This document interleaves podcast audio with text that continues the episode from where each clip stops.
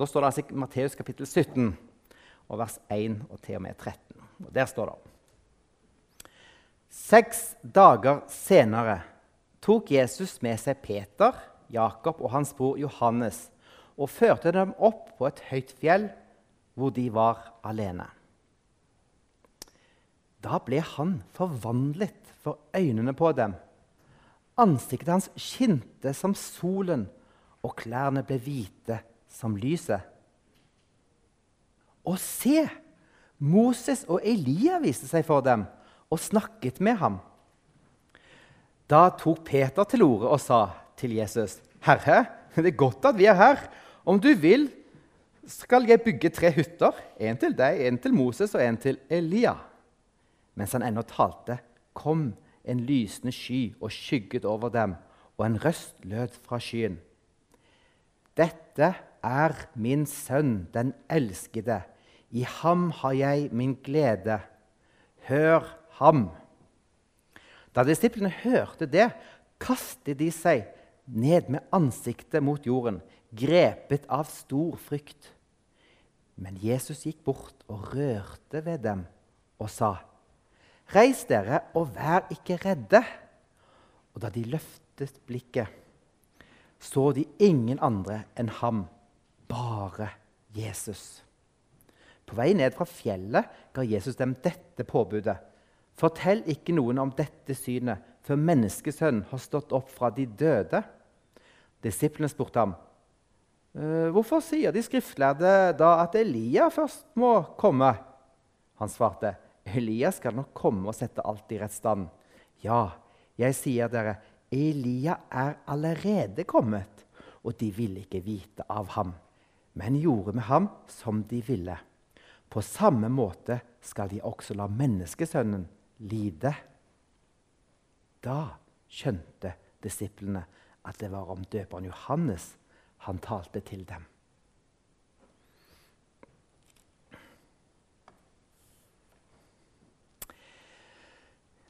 Ja, det er, jo, det er, en veldig fin tekst. Eh, han reiste en del spørsmål, og vi skal se litt på de i turorden. Det første vi kan merke oss, er at det står at det, det var seks dager seinere at Jesus tok med seg Peter, Jakob og hans bror Johannes og førte dem opp et høyt fjell hvor de var alene. Og Du kan jo lure på seks dager. Hvorfor skriver Matteus akkurat seks dager? Matteus pleier ikke å skrive så veldig mye sånn tidsangivelser, eh, så, men her gjør han det. Og Det er flere spekulasjoner som går på hvorfor han gjør dette. Noen påpeker at det var seks dager mellom forsoningsdagen og løvhyttefesten. Det kan være relevant. Mens eh, noen fortolkere sier at eh, han skriver det var seks dager fordi at det gikk seks dager. Så det kan bare være at det var det. Vi får se. Eh, det som kanskje er, er viktig for det er at det, disse, dette her skjer ikke i bare sånn løsrevet fra et eller annet. Når Matteus putter det inn her og skriver et seks dager seinere, så er det fordi det har, har noe med det som sto før. Så bare litt om hva som står i kapittel 16. Det første vi ser i kapittel 16, det er at de er ved Cesarea Filippi. Og Så spør Jesus hvem sier de at menneskesønnen er. Og Så eh, svarer, svarer, de at noen sier at du er døperen Johannes, andre Elia. Og andre igjen at du er Jeremia eller en annen av profetene. Og Så spør jo Jesus ja, hvem sier dere at jeg er. Og Det er da Peter sier at du er Messias den levende Guds sønn. Og Jesus sier at dette har du ikke funnet på sjøl. Dette har du fått åpenbart for deg. Så det er Peters bekjennelse. Så vet vi Senere så, eh, så eh, forteller Jesus om at han skal dra til Jerusalem. og Der skal han havne i hendene på, på folk, og så skal han eh, bli drept. Og Dette liker jo ikke Peter. Da sier nei, nei, det må ikke skje. Og Da blir han jo korrigert av Jesus. Eh, så Jesus han forteller altså at han måtte dra til Jerusalem, og at han skulle bli slått i hjel, men at han på den tredje dagen skulle bli reist opp fra de døde. Så I neste bolk så forteller Jesus disiplene at eh, om de vil følge etter han Han sier om noen vil følge etter meg, må han fornekter seg selv og ta sitt kors opp og følge meg. Det er jo ganske spesielle ord. da. Eh, det å være en disippel Hvis du ser noen som bærer et kors, hva vet du om den personen da? Jeg er på vei til en plass der du skal bli, der skal bli korsfesta. Dette er en hard beskrivelse av disippellivet. Så hvis det er sånn at mennesker risikerer å miste livet sitt for troen Ja, ikke bare det, men faktisk så er det jo sånn at vi alle må jobbe med oss sjøl. Fordi at uh, vi, vi, har fått det nye livet i Jesus, og vi skal altså ikle oss det nye livet.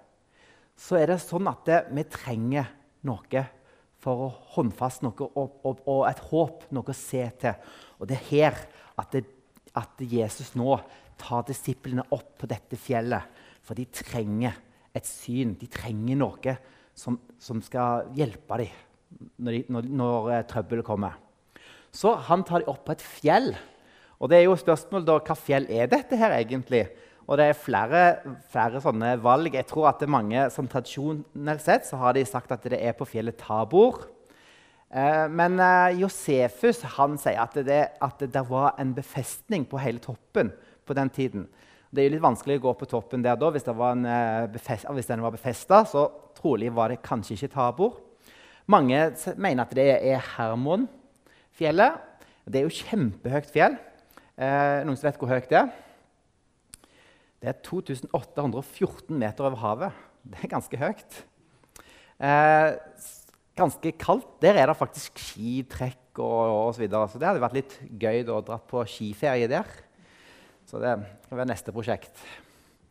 Men eh, det er en annen, annen forslag da, som noen har, og det er at det er Har-Meron, eller fjellet Meron, som eh, ligger mellom Cesarea Filippi og Kapernaum. Det er 1205 meter over havet. Det er jo ikke så høyt. Eh, jo, det er høyt. Eh, men teksten sier ikke hvilket fjell det var. Det har egentlig ikke så veldig mye å si hva fjell det var. Poenget er at de drar på et fjell. Det er viktig å huske på når vi går videre i teksten. Så står det at da ble han forvandlet for øynene på dem. Ansiktet hans skinte som solen, og klærne ble hvite som lyset. Det er ikke sånn at, det, at Jesus bare liksom så ut som at han, han var, var liksom sånn lysende. Det står faktisk at han ble forvandla. Altså det er en ordentlig forvandling som skjer her. Så Jesus viser seg nå for disiplene i sin herlighet. Eh, det er det samme ordet som ble brukt om oss. Eh, I 2. Korinterbrev sier Paulus i kapittel 3, vers 18.: Og vi, som uten slør for ansiktet ser Herrens herlighet som i et speil. Vi blir forvandlet til dette bildet, fra herlighet til herlighet. Og dette skjer ved Herrens ånd.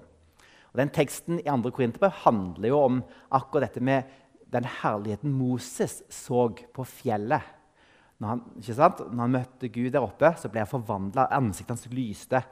Og Sånn er det faktisk med oss òg. Når vi ser Jesu herlighet, så blir vi òg forvandla på denne måten. Eh, Markus-evangeliet og Lukas-evangeliet har begge to den samme historien med oppå dette berget. Eh, I Markus, begge deler i kapittel 9 i de to bøkene, eh, Markus han sier at Jesus ble så eh, han, eh, Klærne hans var så hvite som ingen bleker kan få til.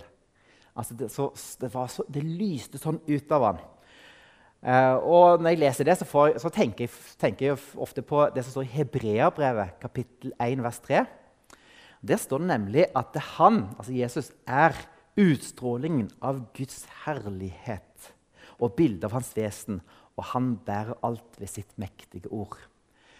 Så Jesus viser seg for disiplene og viser noe om hvem han er.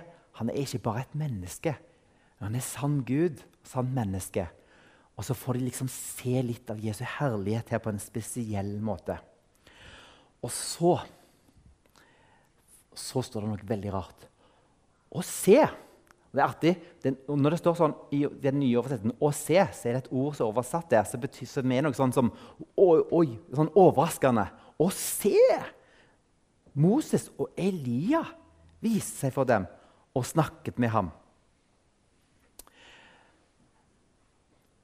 Det var Og Moses og Elia de, de, de, viste seg. Jesus viste seg ikke, han var der. Men plutselig så får de se Moses og Elia. Men hvem viste de seg for? Jo, de viste seg for disiplene. Så, de ville, så her er det et eller annet disiplene må forstå. De må se et eller annet. Moses og Elia viste seg for dem. Og Da kan du jo spørre da, hvorfor akkurat Moses og Elia? På Facebook, så, De som har vært på Facebook, har fått svaret. har dere ikke det? Hva står der? Det er noen som skrev svar. så jeg. Det var jo veldig bra, det. Der står det at eh, Moses eh, representerer loven, og Elia representerer profetene. Er det rett? Ja, det er rett. Men du kan jo like godt tenke hvorfor akkurat viser Moses og Elias seg for Jesus her nå? Ja, Hvis det er sånn at, det, at, det, at det, nå skal vi se at, at liksom, i Jesus er loven og profeten oppfylt, så skjønner jeg veldig godt at Moses står her. At han representerer loven. Det er ikke vanskelig å forstå. Men hvorfor Elia? Hvorfor står ikke der plutselig Moses i lag med Jesaja eller Jeremia? Eller hvem aner profetene? Hvorfor akkurat Elia? Det synes jeg er et kjempegodt spørsmål, og det er det en veldig god forklaring på. Hvis vi leser i Gamle Testamentet, så leser vi altså de siste versene i Gamle Testamentet. De kan dere utenat. Den siste boken i, i Gamle Testamentet, det vet dere hva er. Det er Malaki.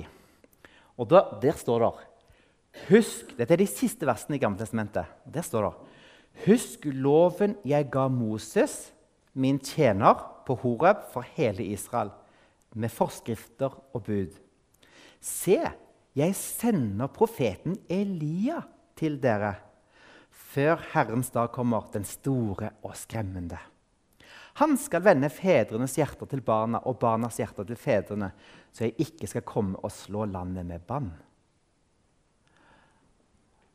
Moses og Elia er her knytta sammen i de siste versene i Det gamle testamentet. Og det var i jødefolket på Jesu tid en enorm forventning til den siste tid. Når Messias skulle komme, så var det forbundet forventning med Elia og Moses. Vi skal ta de litt i tur og orden. Hvorfor akkurat Moses? Og Da skal vi hoppe til 5. Mosebok. Og Der står det i kapittel 18 og vers 15 og Det står i vers 18 noe lignende, men jeg bare tar ett av versene. Der står det altså en profet. Og dette er altså Moses som sier. Bare ta litt bakgrunn til det han sier der. for Moses, Det er egentlig ganske deprimerende lesning før du kommer til dette. For Moses han står og holder tale til folket. ikke sant? Nå skal de inn i det lovede land. Moses han vet at han får ikke komme inn, for han var litt ulydig med noe greier med noe vann. og noe sånt. Men så står han der og sier han at ja, det hender at når dere har kommet inn i landet, så vil dere eh, eh, eh, falle fra. Dere vil gjøre det som er, ikke er lovlig. altså Dere vil bryte loven, og dere vil eh, gjøre mye gale ting. Og så vil dere bli ført ut i elendighet. Altså Dere vil bli ført i eksil igjen. Så det skjedde jo når de ble ført til Babylon. det vet vi. Men dette står altså i 5. Mosebok. Men når Moses har hatt denne deprimerende talen, så sier han dette her. Men en profet som meg vil Herren til Gud la stå fram hos deg, en av dine landsmenn, ham skal dere høre på. Og Dette gjorde at folket hadde en sånn forventning om at det skulle komme en ny Moses, eh, som da skulle gjenopprette ting. være med, altså profeten. Og eh, Jeg vil bare ta en liten poeng her. altså. Det er veldig trosoppbyggende å lese i Det gamle testamentet og se hvor mange ting som er oppfylt i Det nye testamentet. Og er, hvis dere søker litt på og, og leter litt, så vil dere se at det er mange vers som direkte er oppfyllelse. og Matteus lister opp en del av dem, f.eks. Men det er ikke bare det at det er konkrete bibelvers som får sin oppfyllelse i Jesus. Men vi sier ofte at det, at det, det er såkalte typer eller bilder på Jesus i Gammeltestamentet. Og Moses er på en måte en forløper til Jesus. Er, Jesus er altså denne nye profeten som skulle komme. Den nye Moses. Og Matteus har strukturert hele evangeliet for å vise at, det, at Jesus er den som oppfyller det, alt dette her. Han er denne profeten som skulle komme. Og, og det finner vi altså masse ting som peker på hvem Jesus er. Hele tempeltjenesten og alle tingene peker fram mot han som skulle komme Jesus. Og Det er altså så trosoppbyggende å se hvor godt alt henger sammen. At det, det, at det ja, anbefaler altså å lese Gammeltestamentet og se dette. Eh, ta denne profeten, da. Disiplene de kommer til eh, eller ikke disiplene, fast, eh, Det kommer noen og så spør døperen Johannes hvem er du. spør de han. For at, eh, Johannes var jo litt spesiell. At Han står der og døper folk i Jordanelva. Så spør de er du Elia. spør de han. Nei, det er jeg ikke. Jeg er jo Johannes, sier han. Nei, svarte han. Og så spør de er du profeten. spør de han. Og så svarer han nei. Det var han heller ikke. Og her ser du de to igjen er knytta sammen. Elia og profeten, altså Moses. Er du den nye Moses som skulle komme? Så svarer Johannes nei, det er jeg ikke, for han var Johannes. Men vi skal se senere at det, det er ikke helt rett, det Johannes sier, for han er på en måte Elia. Men jødene hadde forventning at Elia skulle komme tilbake som Elia, altså med det, den kroppen Elia hadde. At det skulle være fysisk akkurat den Elia. Men Elia var bildet på den Elia som skulle komme. Det var Johannes. Så Johannes han sier at han er jo ikke Elia. Men Jesus bekrefter jo da, du er faktisk den Elia som skulle komme. Så skal vi se her Når Jesus døde på korset, så ser vi òg denne forventningen til Elia komme tydelig fram. Hva var det Jesus sa på korset? Han hadde flere ord, men ett av dem var dette. Eli, Eli, lama sabatani. Det betyr, 'Min Gud, min Gud, hvorfor har du forlatt meg?' Men hva trodde de som hørte på? Han sa, De hørte Eli. Så sa de, eh, 'Han roper på Elia.' Fordi de hadde den forventningen til Elia som skulle komme. Så Det er altså forventning til Moses som profeten, den nye Moses som skulle komme. Og så var det forventning om Elia som skulle komme. Og når de feira i påskemåltid, hva hadde de da? De hadde alltid Elia-begeret. Ja. Og så hadde de en ledig stol, sånn at Elia skulle komme. i tilfelle han kom og ville feire påskemåltid i akkurat ditt hus. Så De hadde altså en sånn forventning til Elia som skulle komme igjen.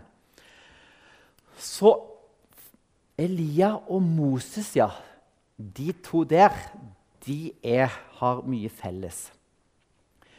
Eh, når du leser første kongebok, og litt ut i andre kongebok, så ser du at det, den som har skrevet den boken, vil få fram at Elia og Moses er ganske like på mange områder. Hva har de felles? Vel, De to kan du fortelle at de ble ikke gravlagt av noen mennesker. Moses ingen så hans legeme. Når han gikk opp og døde på fjellet, så var det ingen som fant kroppen hans. Elia, når han døde, så ble han tatt opp i skyen på disse ildvognene disse her ble tatt opp. Så han, ble, han, døde ikke, rett og slett. Det har de felles. Deres død var veldig, eller bortgang fra jorden var veldig spesiell. En annen ting som er veldig felles med de, det er at begge to møtte Gud på en veldig spesiell måte. Hvor henne? På et fjell. Ja, på et fjell. Eh, begge to ble avvist av folket. Eh, når Stefanus eh, holder sin tale i Apostelens gjerning kapittel 7, så sier, han Moses Denne Moses som de forkastet da de sa, hvem har satt deg til leder og dommer? Elia ble òg forkasta. De ville ikke ha noe med han å gjøre. Israel. Han, måtte, han levde et farlig liv. Eh, det er litt rart å lese at selv om han hadde klart å kalle ned ild fra himmelen, så fortærte offeret på det fjellet når han hadde den kampen med Bal. Så vant han liksom den kampen. Men hva skjedde etterpå? Ingenting. Nei, samme konge fortsatte å være konge. Samme avgudsdyrkelse fortsatte. De dyrka Baal likevel. Det skjedde ingenting. Det gjorde at Elia ble så deprimert at han satte seg under en busk og sa nå kan jeg bare være med hele greia. Men så ble han jo fôra av Gud, han fikk mat. Og så gjorde Gud han klar til en vandring Hvor lenge vandra Elia uten mat og drikke? 40 dager. Hvor lenge var Moses uten mat og drikke? 40 dager. Kjenner dere en annen som har vært 40 dager uten mat og drikke? Ikke tilfeldig. Det er ikke tilfeldig. Ok. Det er én ting til jeg vil peke på. Begge, alle disse tre så var det noe spesielt som skjedde med Jordan. Moses han ga faktisk stafettpinnen videre til Josva, og de vandra tørrskudd over Jordanelva. Elia han òg gikk tørrskudd over Jordanelva. Det gjorde han rett før han, han eh, ga Elish, Elias eh, oppgaven av profet etter ham. Så gjorde Elias det samme. Han òg gikk tørrskodd over Jordanelven. Han delte seg opp, nett som over Sivsjøen. Kjenner vi en annen som har gått gjennom Jordanelva? Ja, Jesus han gikk i Jordanelva. Nå delte riktignok ikke elva seg, men det var noe annet som delte seg når Jesus gikk i Jordanelva. Hva var det? Det var himmelen åpna seg, står der. For nå var det ikke bare at de skulle gå inn i det lovede land, men nå var veien til himmelen åpen når Jesus kom. Han åpner veien for oss inn der. Så Når vi ser litt på disse personene, Elia og Moses, så er det utrolig kjekt å se at det, eh, Moses han var forløperen for, eller han ga stafettpinnen sin videre til Josva. Og Da skal jeg spørre et veldig enkelt spørsmål. Nå tror jeg ikke Henriette er nervøs engang. For dette, Josva, hva betyr det navnet? Herren frelser. Mm -hmm. Så skal jeg spørre dere om et annet navn. For Den som ble profet etter Elia, det var Elisha. Hva betyr navnet Elisha for noe, da? Gud frelser. Ja, det betyr det samme, egentlig. Så kom Johannes, og han var forløperen til Jesus. Kan noen si Jesus på hebraisk for meg? Joshua. Det er Josva. Herren frelser. Ser dere sammenhengen? Moses pekte på Joses opp, Det var Josva fulgte etter Moses. Det, det, er noen andre som kom etterpå. Det samme gjorde Elia. Det var en som var arvtaker. Elia var forløperen for Elias. Elisha. Og så Johannes er òg da forløperen til Jesus. Han beretter veien for Jesus. Så det er altså utrolig spennende å se at oppå dette fjellet at det er Moses og Elia er ikke tilfeldig. Elia, han, Alle disse peker nemlig på Jesus som skulle komme. Den nye profeten som var lova. Den som skulle komme, oppfylle det som var stor i slutten av Malaki. Bare lite sånn, liten sånn apropos der. Eh, Johannes han ble litt i tvil om Jesus. Eller jeg vet ikke om han ble i tvil, men han ville iallfall vite det. Er du den som skulle komme, eller skal vi vente en annen? Så sendte, sendte han disiplene sine til å spørre Jesus om det. Hva svarte Jesus? Jo, han svarte om, han fortalte om alle de undrene han gjorde. Og da tipper jeg at det er Elisha sa OK, det er han. Ofte blir det referert til ting som står i Jesaja når det gjelder disse undrene. Men det er en annen ting dere kan legge merke til. At det, Jesus var den som Johannes beredte veien for. På samme måte som Elia beredte veien for Elisha.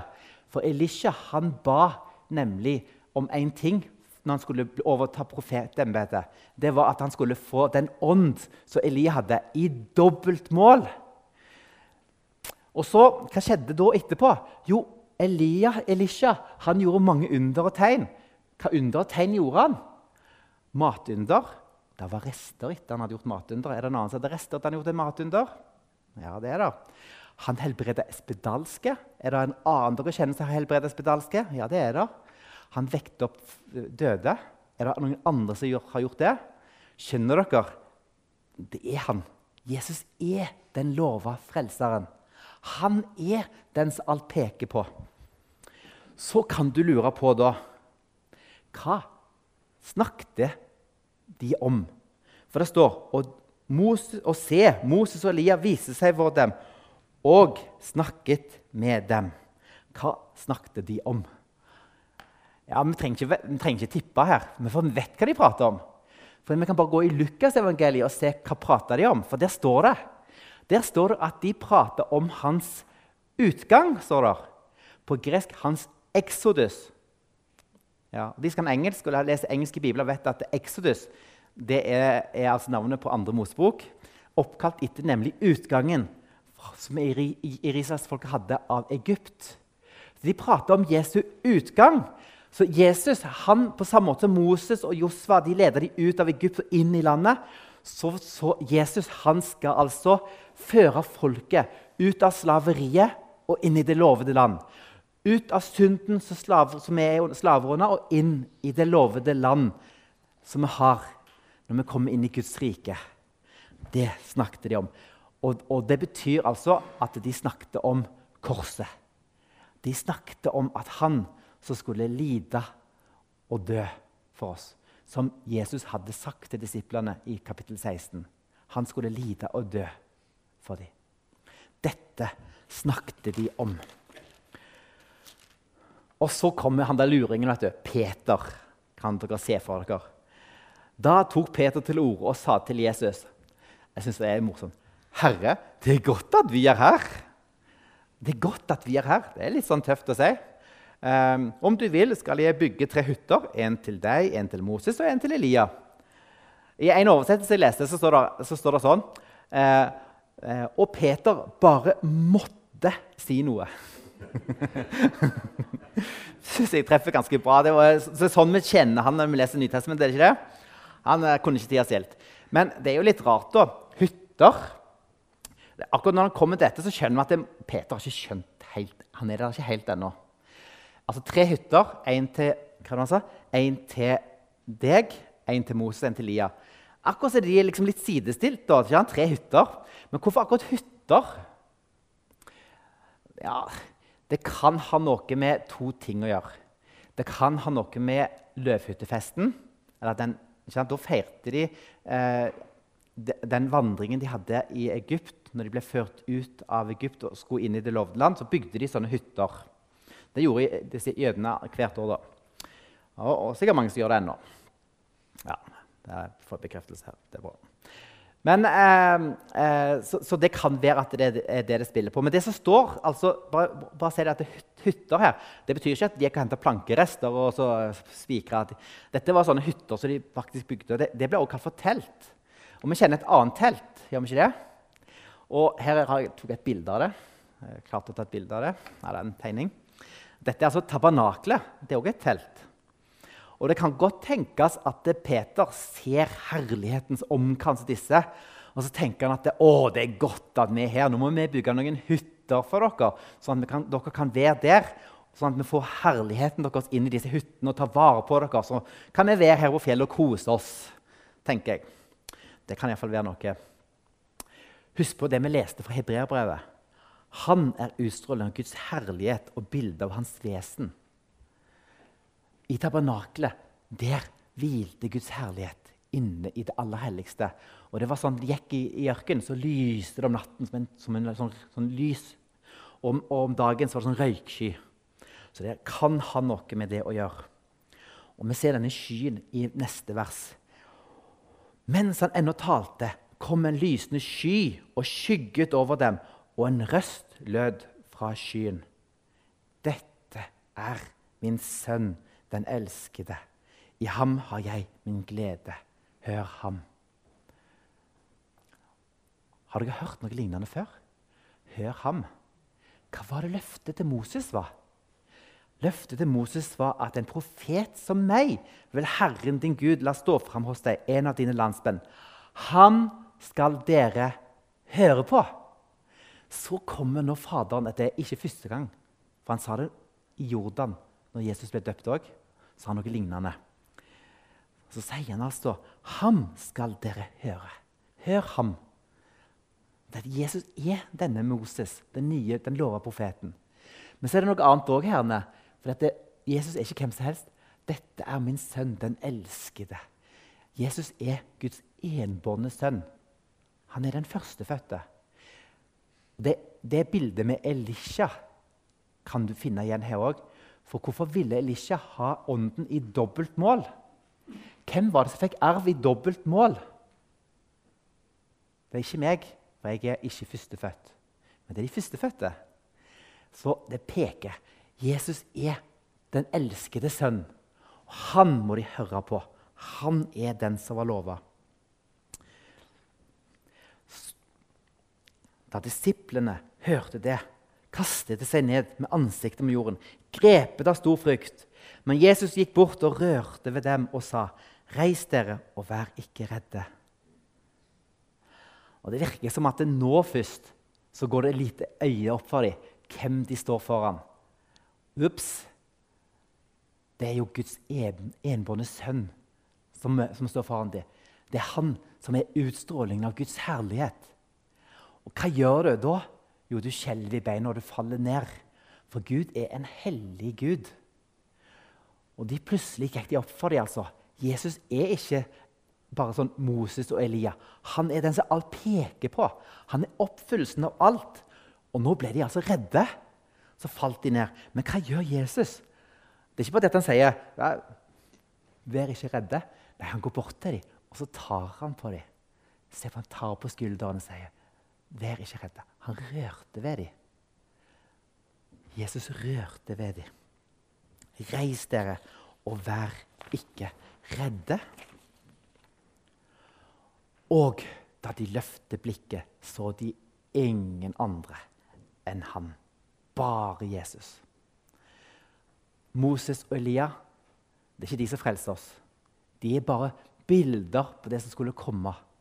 Jesus er den lova frelseren. Alt pekte på han. Det var han som skulle berge dem. Og nå står han der alene, og de ser bare han. Er ikke det fantastisk?